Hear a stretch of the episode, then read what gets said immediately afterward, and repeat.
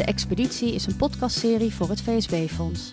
In de expeditie zetten vijf lokale coalities van bewoners en welzijnsorganisaties stappen richting een andere, betere samenwerking en een meer betrokken en verbonden buurt.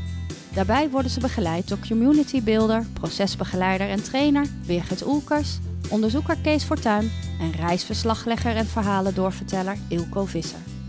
In deze podcastserie bespreken Kees en Ilko in vijf korte edities de eerste serie pitstop-sessies.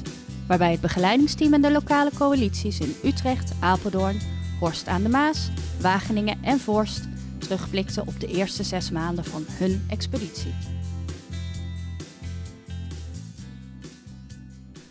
Kees, alweer de allerlaatste editie van onze korte podcastserie, waarin we ja, de bijzonderheden die ons raakten in de.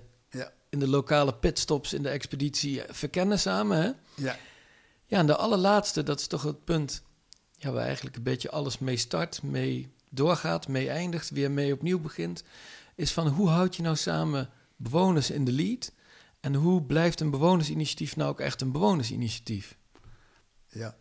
En daar hebben wij eigenlijk nauwelijks een antwoord op, eh, denk ik. Daarom wordt het een ultra korte... Nee, je, nee, maar je ziet het zich voor je ogen wel aftekenen, zeg maar. Dus je ziet dat er, dat er stappen gezet worden en dat dat... Dit is steeds de afweging die je maakt. Hè. Bij, bij welke beslissing je ook neemt, het is altijd van... De manier waarop de agenda steeds meer is gezet vanuit overheden... ja. Eh, en subsidiestromen. En nou goed, een eh, organisatie had het welzijnswerk, eh, die eh, mm, over het algemeen in de aanbestedingen terecht zijn gekomen. Wat een heel juridisch traject is en eigenlijk niet zo gaat over de, de inhoud van Nee. het werk. Dus dat is, daarvan, de aans, dat is in de lead gekomen. Waar we achter komen is dat bewoners daar totaal niet in passen. Dat het eigenlijk niet, niet goed werkt en dat je toch een, een soort vitalisering van, van de gemeenschappen nodig hebt. Gemeenschappen hadden natuurlijk sowieso geen, eh, geen positie in het denken, omdat alles was geïndividualiseerd. Dus een, een, eh, dat gaat om, eh, als, je, als jij een stad hebt met 600.000 inwoners, laten we zeggen, dan zit je in Rotterdam zo'n beetje. Zorg dan dat iedereen eh, werk heeft, iedereen zijn taal spreekt, eh, kan lezen en schrijven, ja. hapje alle kinderen heeft. goed opgroeien. Ja. En dan, en dan heb je een vitale stad. Ik geloof er geen sodemieter van. Het gaat om het verband dat wel en niet, wel of niet functioneert. En dat een overheid eigenlijk geen andere keus heeft dan dat verband te stimuleren, te faciliteren. Dat is eigenlijk de beweging waar we nu in zitten. Want in dat verband hebben bewoners de hoofdrol. Ja. En die kunnen best de dingen doen op een manier die jij niet ziet zitten. Als professional, of als bestuurder of als ambtenaar. ja. Maar dit is wel de manier waarop ze het doen. En eh, het begint bij interesse. Bij, hoe doen jullie dat dan? Hoe, hoe zitten jullie afwegingen in elkaar? Wat voor, wat voor aspecten spelen daar nou een rol in? Dus dat, eh, je kan proberen dat allemaal te weten en dat vervolgens in je beleid eh, te gieten. Maar dan zit het ook weer gelijk in beton. ja. Je kan ook gewoon zeggen, bewoners in de lead.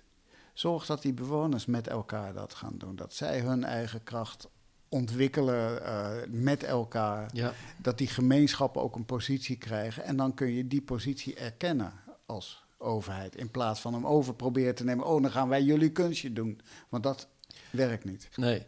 Nou, wat ik ook wel mooi vond, was dat je in meerdere sessies zag dat, dat op activiteitenniveau, hè, als, er iets, eh, als er iets georganiseerd wordt in de buurt of iets, iets leuks te doen is in de buurt, dan, dan is, dat, is het veel. Dan, dan is het veel vanzelfsprekender dat bewoners in de lead zijn. Hè? Maar, maar op het moment dat, er, Ja. hè, dat, dat je een probleem wil oplossen in de buurt, of dat er, dat er een, een groot thema speelt, dan, dan, dan zie je dat verschuiven. Dat Ja, vond ik ook wel ja, heel bijzonder om te zien. eh. Ja, het is ook de, een beetje de, de, de logica, misschien wel de doem van de, van de decentralisaties. Dat ehm, eigenlijk wordt het model, het sectorale model van de overheid. Dus je hebt een criminaliteitsprobleem, weet je wat, Ja. politie. Eh, je hebt een gezondheidsprobleem, weet je wat, zorg. Je- nou goed, je hebt een jeugdprobleem, onderwijs. weet je wat, Ja. jeugdzorg. Ja, Eh, zeg maar, dat is een beetje de manier waarop, waarop er gewerkt wordt. En op het moment dat je zegt van ja, maar dat komt niet bij de leefwereld van mensen, dan wordt er gezegd, oh, dan gaan we het afschalen. Dan gaan we, dan hebben we buurteams, eh, dan eh, krijgen we wijkagenten. Dus al die maar eigenlijk is het hetzelfde sectorale denken. Het is hetzelfde als de veiligheid dat je dat los kan koppelen van of mensen contact met elkaar hebben, bijvoorbeeld. Ja. En of het goed komt met de kinderen. Ehm, dat, dat, dus het wordt allemaal technisch gemaakt, individueel gemaakt en sectoraal gemaakt. Op het moment dat een bewonersinitiatief zich gaat, gaat bezighouden met deze aspecten van het leven. Voor hun zijn het aspecten van het leven. Het is niet hun business of zo. Ja. Maar het is gewoon zo leef je. En uh, op het moment dat een bewonersinitiatief dat gaat doen, dan, gaan die, dan gaat die hele vormgeving gaat van die zakelijke kant naar, uh, naar, naar, naar meer een leefwereld.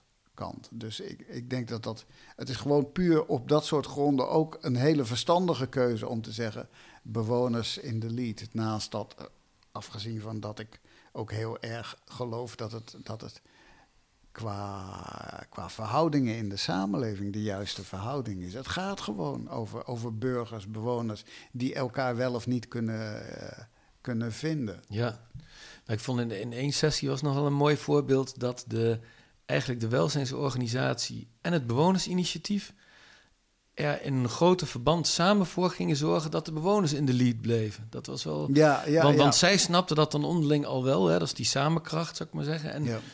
maar, maar, maar andere organisaties probeerden dat dan toch. Ja, dat, dat, daar Ja. viel dat kwartje nog niet zo. Ja, er is best een boel aan het schuiven, maar eh, inderdaad, ik denk dat dat, eh, dat idee van professioneel, technisch, individueel, ehm, op geld, gebaseerd, geld gestuurd, zeg maar, dat dat beter is, eh, meer serieus te nemen dan, eh, dan hoe dat binnen een bewonersinitiatief gaat. Dat, dat is wel heel diep doorgedrongen in allerlei sectoren van het, van het maatschappelijke leven.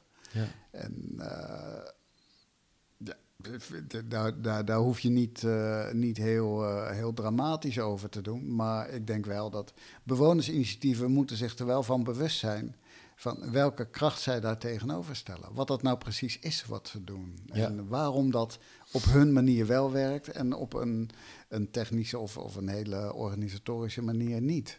ja, en dat zij ook per definitie eigenaar van hun eigen initiatief zijn. Hè? Dat, dat is van henzelf, Ja, dat initiatief. Ja, en Ja. daar moeten ze zelf ook scherp op zijn. Ja. Want het kan ook zijn, eh, weet ik veel, er komt een, eh, je, je hebt een bewonersinitiatief, je zit aan de tafel, er komt een professional bij zitten. En alle ogen gaan naar de professional van vertel jij maar wat we, moet, we moeten doen. Ja. Dat is, daar, daar moet je scherp op zijn als bewonersinitiatief, dat jij het bent die uiteindelijk de agenda maakt. Voor je het weet word je de handjes en voetjes van een professioneel initiatief.